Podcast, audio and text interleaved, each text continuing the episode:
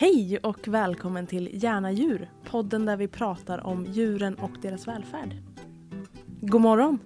Guten Morgen. Tjena tjena! Hur mår ni idag? Jo då, levande och andas. Det var, det var falskt men jag mår, jag mår bra. Ja. Hasse tittar på mig du? som om hon just, eh, hennes trumhinna gick Ja, sönder. de, de Just- sprack ja. lite men, Ja. men jag mår bra utöver det. det. Hur mår du? Ja, tack. Ja, jag mådde bra innan min falska sång. Men, då, jag mår alldeles Utmärkt. prima ballerina. Idag ska vi prata om nötkreatur. Ja, Kossor. de är otroligt fina, trevliga, gulliga, härliga, snälla djur. Nyfikna glömde du. Nyfikna. Ja, det, alltså det finns många egenskaper Och vi är ju lyckligt lottade med att ha en liten nötkreaturexpert här i rummet idag. Mm, koexpert. Ja, Bara för att notera, hon som trodde att nötkreatur och kossor var olika raser. gud. Det här kan vi ju faktiskt börja det här avsnittet med. Jag har ändå fått meddelanden från folk som har sagt att alltså jag är med dig, jag visste inte heller att det hette nötkreatur som art. För att det var många som var så här, jag trodde att nötkreatur, att man kallade det inom produktionen.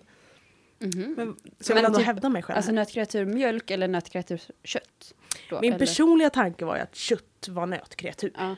och sen trodde du mjölkkossa liksom, att det var en ras, ras också eller art. Eller? Du, vi behöver inte fortsätta där. Så, där tar det stopp. Jag kan inte försvara mig själv längre. Det är nu alla stänger av för vi var så experten hade vi i rummet.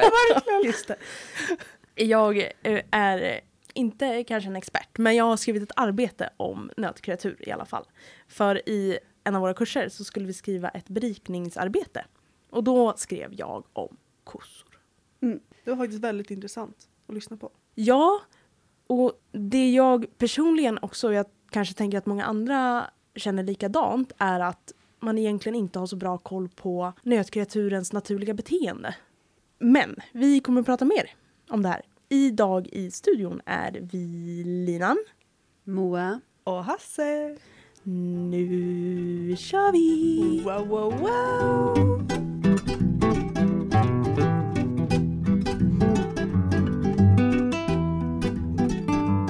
Jag skrev ju då som sagt ett arbete om kossor och eh, fokuserade ju då på berikning och hur man kan göra för att låta kossor må bättre. Ska vi säga vad berikning är, vad, vad man gör det i för syfte? Mm. Berikning kan man ju göra i, eller det främsta syftet för berikning är ju såklart att öka välfärden då. Att eh, på olika sätt kunna stimulera naturliga beteenden. För när man pratar om naturliga beteenden eller beteenden generellt sett så är det ju att miljön eller olika saker eller objekt i miljön kan trigga beteenden. Mm. Så genom att lägga till saker i miljön då kan man faktiskt göra det antingen då möjligt för en individ att utföra ett normalt beteende men också öka frekvensen av det för att beteendet triggas av vad som finns i miljön. Helt Men enkelt. Också öka frekvensen av, alltså öka beteenderepertoaren i den miljön de lever i. Det behöver inte vara med, med nya objekt utan de kan få upp nya ögon för objekt som alltid har funnits där. Mm. Bara öka beteenderepertoaren Mm. generellt. Av då naturliga beteenden. Ja. Precis. Och jag tror att, eller jag, anledningen till att jag valde just kossor var för att jag egentligen har haft ganska dålig koll på deras naturliga beteende. Och hur de lever om man tittar på vilda flockar. Mm. Eller semivilda flockar. Det finns liksom ingen levande ancestor. Nej, Nej. det gör ju inte det idag.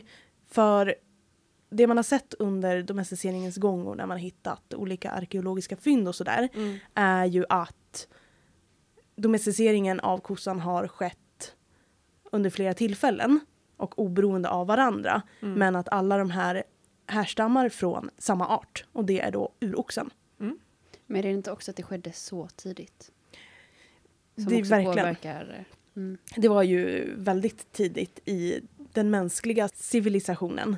Och kossan har ju bidragit väldigt mycket till att kunna utveckla också civilisation och främst jordbruk.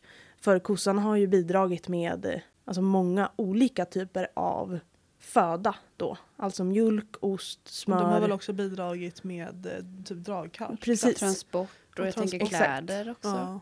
Precis, och det är ju just den grejen att man har kunnat använda nötkreatur till många olika ändamål väldigt Mm. tidigt i historien. Som har ändå bidragit väldigt mycket till den mänskliga civilisationen då helt Mm. enkelt. Men om man tittar då på arten så är det ju ett socialt djur. De lever ju alltså i flock tillsammans. Och då har man sett att kossor, kvigor och kalvar lever tillsammans då. Kossor, kvigor. Kvigor. Och vad är en kviga? Det är nötkreatur av honligt kön då Ja. som inte har fött en kalv ännu. Och, och kossa är då en nötkreatur som har fött en kalv Ja. tidigare. Så man kan väl precis. säga kalv, kviga, kossa. Att det går i den ordningen. Ja, exakt. Precis. Ja, smart, sant. Och de här lever ju då tillsammans i grupper under hela året. Och det man har sett är att avvänjningen då, för tjurar lever inte i de här grupperna utan de flyttar ifrån ungtjurar avvänjs från sin mamma vid 6 till 9 månaders ålder. Och det här, eller den här processen sker ju då såklart gradvis och under en period då.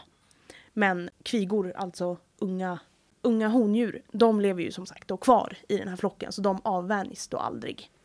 Diningen tänker jag är kanske ganska aktuell att tänka på hur den avvänjs. Liksom. Är det lite som häst att det kan gå i att de diar hela livet tills att... Ganska dålig koll på det, Mm. men det är ju definitivt en gradvis avvänjning. Och jag tänker ju just, när, för när man tittar på häst så är det ju väldigt uppenbart numera med hjälp av forskning och sådär att själva diningen är ju mer än bara föda för båda Mm. individer.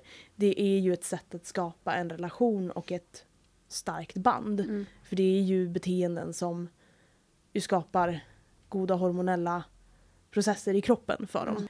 Och det man har sett i de här flockarna då är ju, alltså, precis som i många andra sociala flockar, är ju att det skapas starka sociala relationer. Och just när det kommer till kossor så är det ganska intressant. Då har man ju sett att de ofta blir som bästa vän med en individ. Att man lever i alltså, större flockar med Mm. många individer. Men att det blir som parvisa väldigt starka relationer. Och det tycker jag är lite fint ändå. Det har man väl även sett. Det finns ju fortfarande uppbundna system som får användas i Sverige. Mm. Och de måste ju ändå gå ut i sina, vad är det, tre månader på sommaren. Mm. Men att man ser ju varje år då att de här två som är då bundisar går ihop. Även Mm. om de kanske inte står ihop i Mm. radion resten av året. Precis. Det är ganska Då häftigt. borde man ju sätta dem bredvid varandra kanske. Det kan man tycka. Det hade Men, nog eh, ökat välfärden. Mm. Och det är ju faktiskt en grej om man nu har ett sånt här typ av system. Ett, en lätt grej att kanske öka välfärden är Mm. ju bara den grejen att sätta sådana individer bredvid varandra. Så att de får bibehålla sin relation, vilket de ju ändå gör, vilket Mm. man ju har sett. Och det är ju en, ett kvitto på hur starka de här relationerna blir. Inte bara då att man minns en individ man har umgåtts med, utan faktiskt prioriterar en sån individ framför andra. För det är någonting man har sett hos kalvar också. Att man kan se tydliga individpreferenser redan i ung ålder. Mm. Och i de här flockarna då som de lever i så har de som livslånga relationer. Mm. De, Vet vi hur det ser ut om de blir, jag tänker i det vilda, om deras bästis dör? Mm. Skaffar de en ny eller? Det tror inte jag att man har kollat på så mycket. Jag tror inte man har kollat på sörj eller sorgarbete. Eller Jag, jag tänker mer på sörjer. att om, om man har en hobbyflock eller vad som helst och så, så Mm. säljer man den ena kossan. Mm. Om de skaffar en ny bästis eller om de finner sig i att liksom, nej den försvann, jag är ensam här. Dålig koll. Och jag Mm. tror inte att man kanske har kikat på det så mycket. Det vore intressant att kolla upp. Verkligen. Jag tänker ju rent spontant att det ju nog krävs väldigt mycket för att skapa en liknande relation. Mm. Eftersom att man ju har sett att det är ju just individ det är ju två individer som skapar det här bandet. Mm. Så jag tänker att det är ju svårt att ersätta. Ja, men att skapa ett nytt band går ju säkert men att det krävs ju, vad ska man säga, arbete. Ja, det går ju att Eh. applicera på oss också. Man har ju Precis. olika liksom, relationer till Mm. alla individer Mm. man har liksom, i sitt liv. Är det åldersrelaterat då? Med de här banden. Ja, men det har om man kalvar då, ban, de tyr sig till kalvar då. Mm. Så att de, alltså de som hänger ihop är Mm. i samma ålder ish. Ja, precis. Det har man ju kunnat se. Att Mm. just individpreferenser ofta går i ålderskategorier då. Mm. Men ej att förglömma är ju viktigt att se till andra relationer också. För lever man i en grupp har man ju en relation till alla individer i den här gruppen. Men att två individer kan vara extra tajta. Eh, men till exempel i industrin idag eller om man har en hobbyflock. Att det är ju ett naturligt beteende att leva i flock med olika åldrar. Så det löser ju inte något problem egentligen av att ha individer, alltså bara kalvar i en flock till exempel. Trots att det är där de starka individrelationerna sker. Mm. Såklart. Mm. Men sen så är det ju också just den här relationen till sin egen mamma.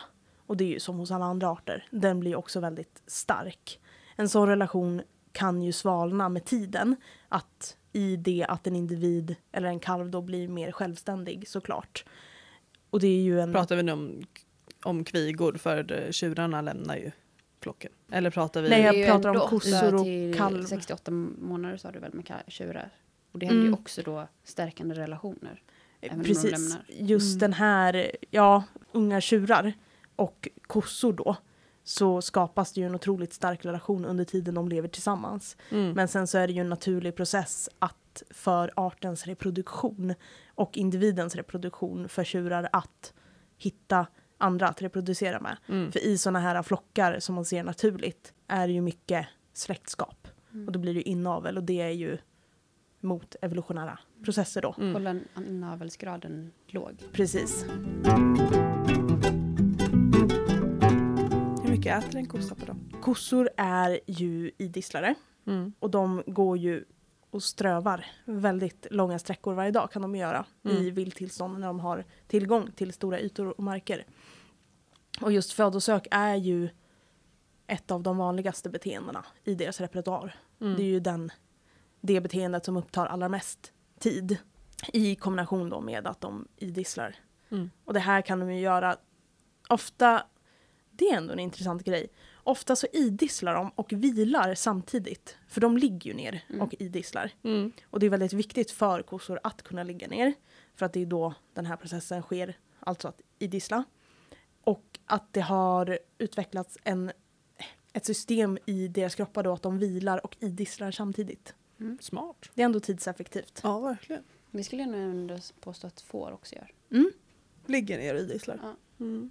Så. Alltid när man ska göra ett sånt här arbete eller oavsett när man vill berika ett djur, en individ eller en art så är det viktigt att se till historien och vad naturliga beteenden innebär. Så utifrån den här informationen nu då Mm. så kan man ju dra olika slutsatser för hur man kan göra då. Och när man ska skapa sådana här berikningar så finns det fem olika överkategorier för det här för att kunna applicera då olika förbättringar i olika områden. Så en stor kategori av de här och som är väldigt viktig är just social berikning. Mm. Och då utifrån den här informationen om hur de lever naturligt så är det ju väldigt berikande för kossor att leva i naturliga strukturer. Så har man en hobbyflock av nötkreatur så är det viktigt att kunna låta dem leva i flockar med olika åldrar. Men också se till att det är faktiskt möjligt för dem att skapa de här individrelationerna. Mm. För jag tänker att när man, när man har hästar så är det ju ofta att man skapar flockar utefter ålder. Att det är ofta så här, ja men ung, Mm. ung hästflock eller där är ju de äldre hästarna och Mm. så vidare och så Mm. vidare. Och jag tänker att det kanske kan vara lätt att applicera samma sak på kossor om man skulle ha. Men att tänka på att det kan vara väldigt berikande att kunna låta dem ha de här äh, strukturerna Mm. då. Det är berikande även för häst att ha olika åldrar. I. Precis, verkligen. Så är det ju. Och jag personligen så tycker ju också att det är ju faktiskt ett väldigt fint projekt som SLU håller på att bedriva nu. Verkligen. Med kossor och huruvida kalvar kan gå med kossor i mjölkproduktion. Mm. För just det är ju också en grej som ju faktiskt kan gå under social berikning. Mm. Att låta kossor och kalvar gå tillsammans Mm. tills naturlig avvänjning. Och jag tror att alla vi väntar med spänning på resultaten från den studien. På Campus Ultuna i Uppsala kan man köpa deras mjölk. Den heter mm. kokalvmjölk. Så då vet man att eh, kalven har fått gå med sin eh, mamma. Underbart. Då är det vi som åker till Uppsala för att köpa mjölk. Där kan jag faktiskt ge ett till tips. Eh, om en gård som, eller den heter Resta gård, som också ligger i Uppsala-trakterna. Där har de också, där säljer de också mjölk och olika andra produkter i sin gårdsbutik. Och där får kalvarna också gå med deras eh, mammor. Mm. Jag tänker faktiskt så här att eh, har man möjlighet så ska man köpa den här mjölken. För att Mm. i det här projektet också så undersöker de ju om konsumenterna faktiskt bryr sig om, eller det, om det finns ett intresse från konsumenternas Mm. sida att kalven får gå Wow. med sin ko. En stark uppmaning då, Mm. att faktiskt visa intresse. Nu beror det ju också på hur mycket intresse man har, men är det så att man tycker att det är viktigt så skulle man ju kunna meddela det här om man inte har möjlighet att åka till Uppsala och köpa mjölk menar jag. Att ändå visa sitt intresse på sociala medier eller bara till och med kanske skicka ett mejl Mm. och uppskatta deras eh, forskning. För det här är ju superfint Verkligen. eh, att undersöka det här.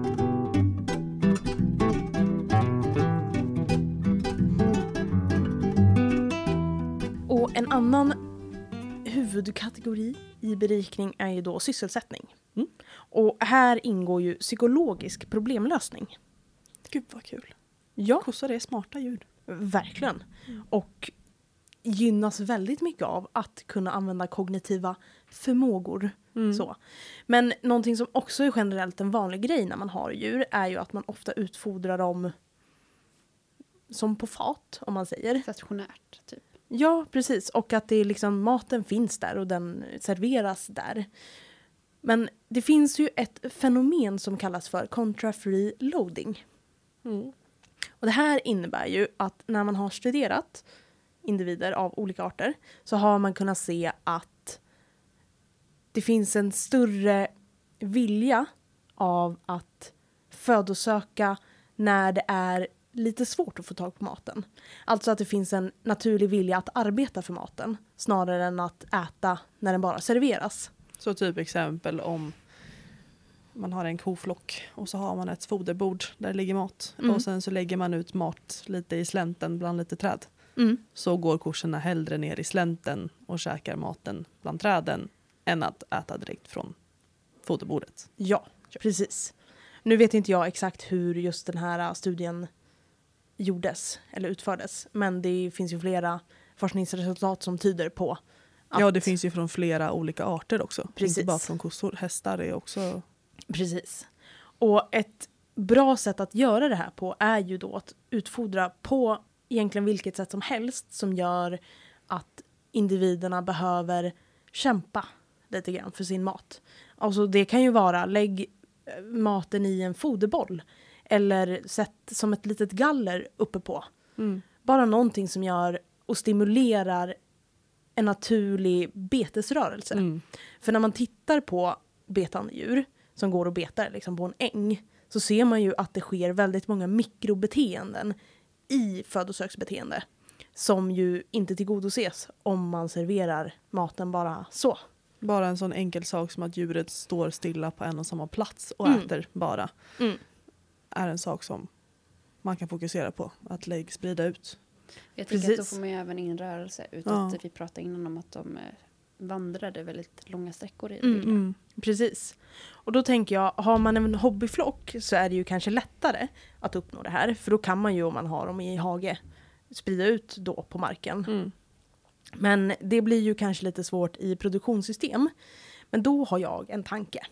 För idag så utfodras de ju längst gångar så. Mm. Men Mittengångar oftast. precis. Ja det är ju utspritt men det blir ju ofta att de står på samma plats och äter Ja. för att de tränger, alltså inte tränger ihop men de står bredvid varandra och äter på Mm. sin plats. Så. Precis. Och jag tänker en lätt grej, nu utan att vara insatt i det här på något sätt. Men att det kanske skulle vara möjligt att ha någon typ av gallersystem som gör att det blir lite svårare för dem att få tag på maten. Mm. Eller att man har en station där de behöver kämpa för maten Mm. och sen har man ju en avdelning där de där maten alltid finns. För det är ju jätteviktigt också. Att det inte bara ska vara svårt att få tag på mat. Mm. Men att ändå kanske kunna, Hörnät, hade det funkat? ja. ja Ensilagenät blir det kanske då Mm. eftersom man använder mer ensilage. Men eh, precis. Ja men det tänker jag verkligen. Mm. För det kan ju också vara stimulerande att behöva beta och vrida lite på huvudet och mm, använda de typerna av beteenden då. Och det här tänker jag är ett fenomen som man ju generellt sett inte tänker så mycket på.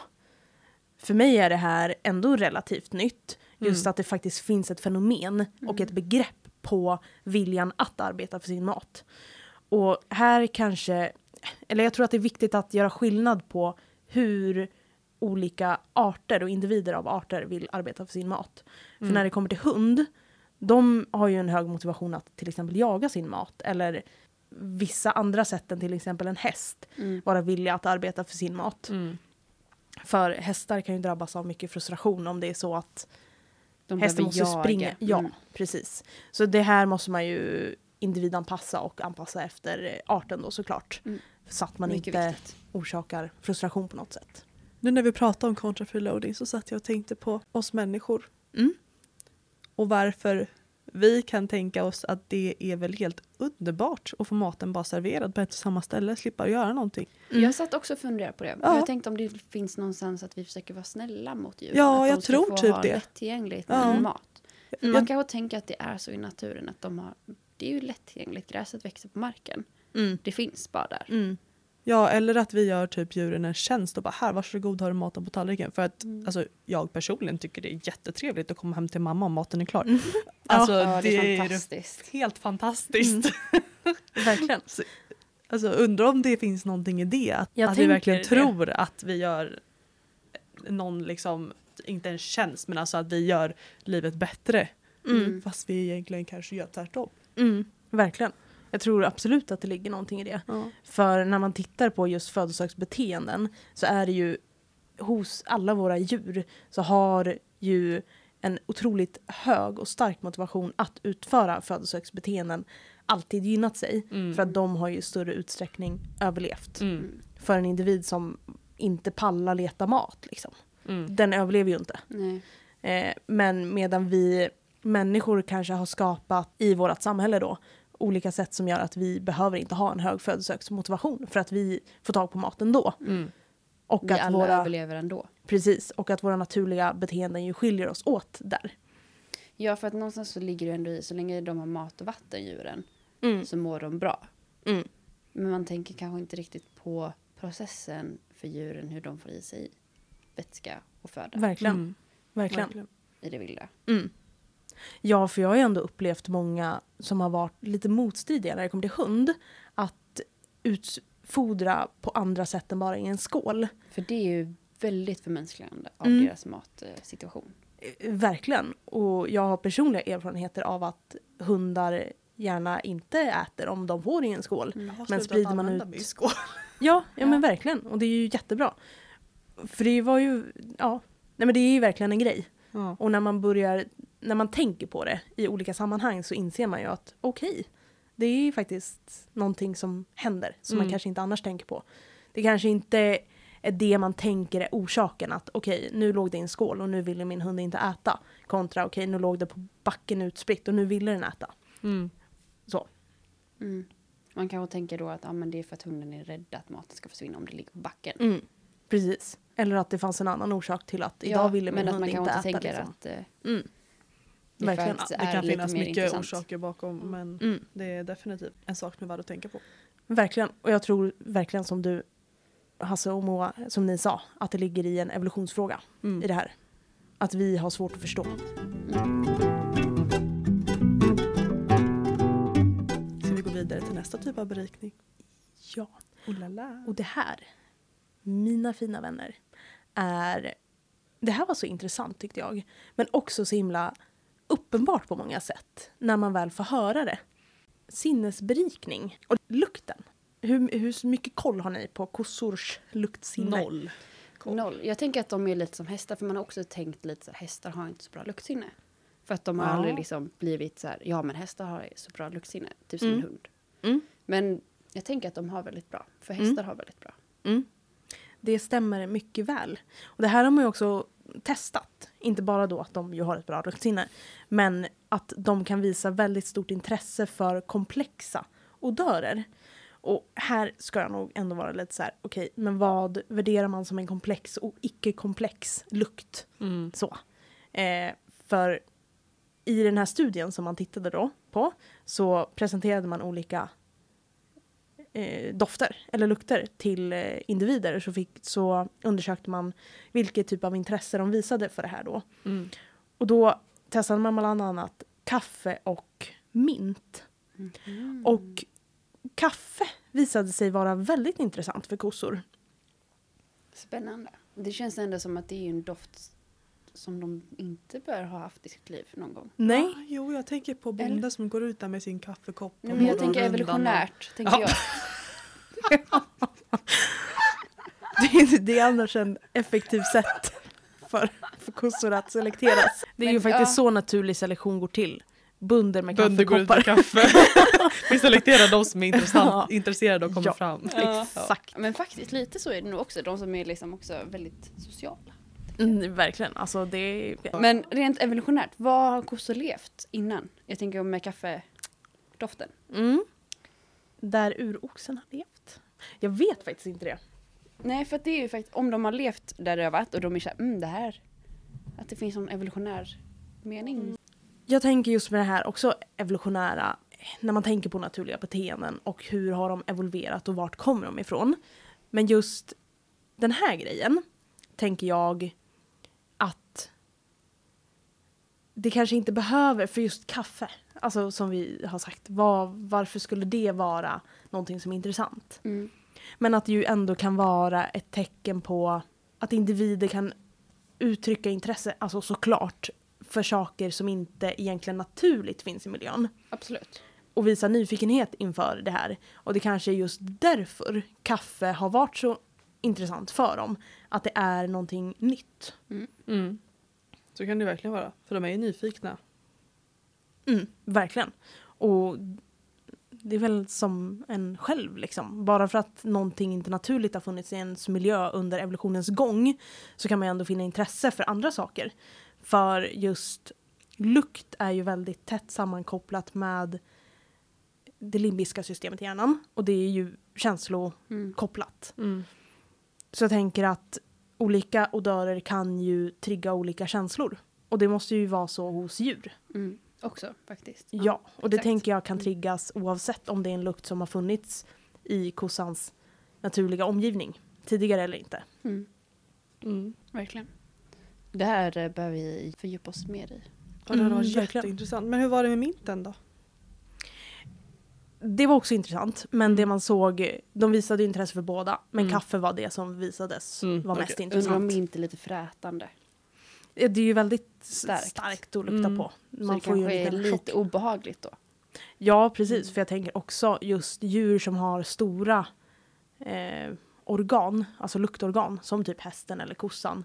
De har ju förmodligen också ett bättre luktsinne än vad människan har. Och man vet ju själv om man luktar liksom på spearmint. Det blir ju som en liten tjo. Mm. Det Så. rensar bihålorna effekt. Ja. Mm. Så det, faktiskt, det är ju nog det jag tyckte var mest intressant när jag gjorde det här arbetet. Och jag tänker att det här måste ju vara väldigt lätt att faktiskt kunna få in i en produktion Mm. som berikning. verkligen. Att man Mm, sätter ut verkligen. lite kaffe. Rent hygieniskt också. Att det är inte är så svårt att hålla rent då. För att det behöver inte vara på golvet eller marken. Nej, precis. Och man kan ju lägga in en stock där man har på något sätt gjort att det luktar kaffe. Mm. Eller små kuber som man hänger upp på något Ja. vis. Mm. Så det finns ju jättemånga bra sätt att göra det här på som ju verkligen kan berika dem. Och sen kan man ju varva då olika typer av odörer eller lukter så att man eh, skapar lite variation Mm. Och stimulerar luktsinnet på många olika sätt. För det har ju också lite med berikning med att man planerar ju kanske hur ofta de ska få berikningen. Mm. Verkligen. Just när man gör ett sånt här berikningsschema så kan man ju faktiskt gå ut efter ett schema då Mm. för att försöka maximera ja, berikningen Mm. för individerna då.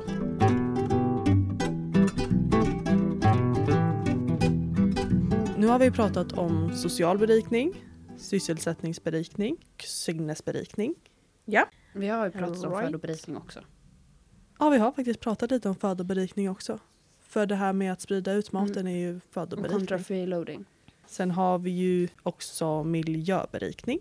Vissa av de här eh, huvudkategorierna går ju såklart in i varandra. Mm. För det finns en egen kategori är ju födoberikning. Men just den här psykologiska problemlösningen i eh, sinnes eller sysselsättningsberikning kan ju vara i förhållande till mat då. Mm. Vi gör ett inlägg Mm. om de fem berikningarna.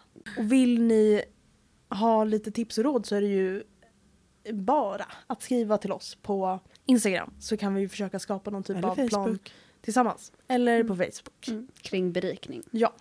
Och det är ju inte bara nötkreatur. Vi Mm, tänker då. precis. Det här det är faktiskt bra att förtydliga att Mm. just de här äh, kategorierna av berikning appliceras ju på exakt alla djur. Mm. Även Och människan. alla arter. Och även människan. Universell.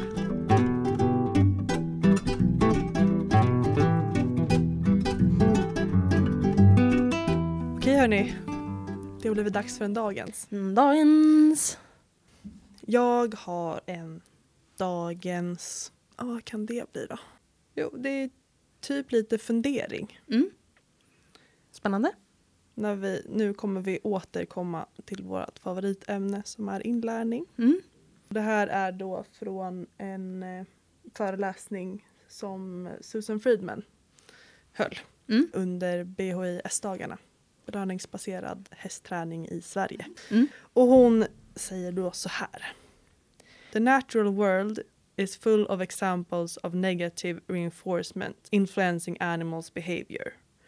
On the other hand, the natural world is also full of arsenic and death.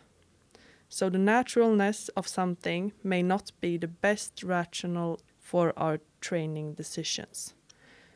Mm. Det Jättebra. menas alltså med att folk säger att man ska bete sig naturligt Mm. mot våra djur och träna dem på ett naturligt sätt.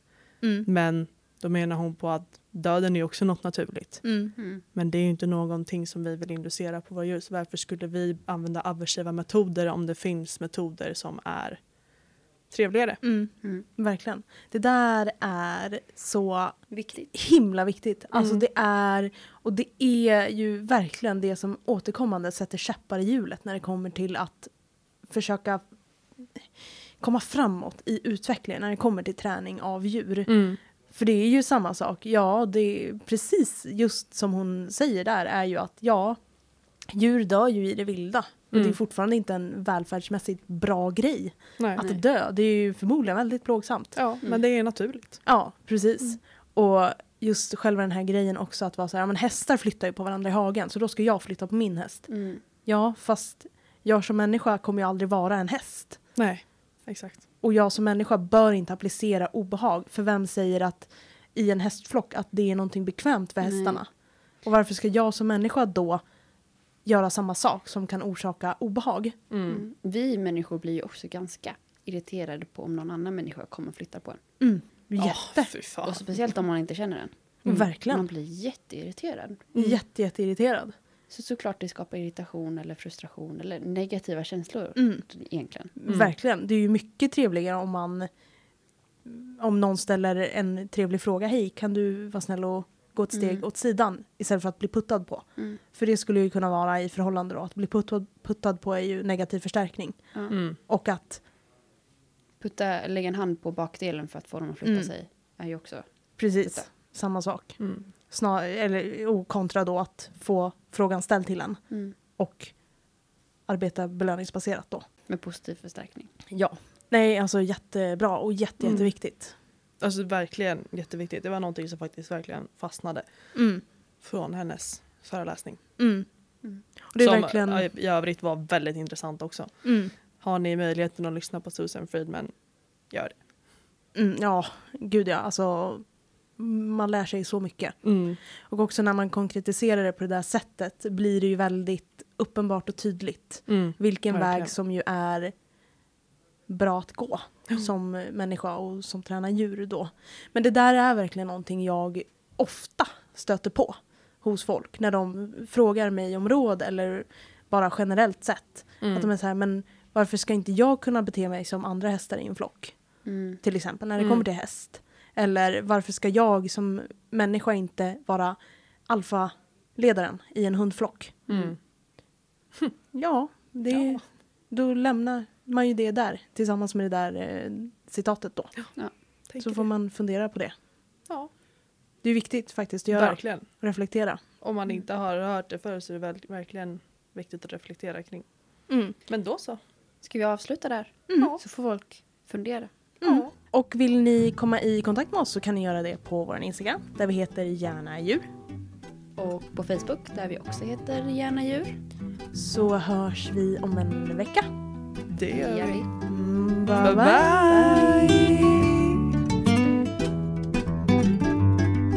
bye.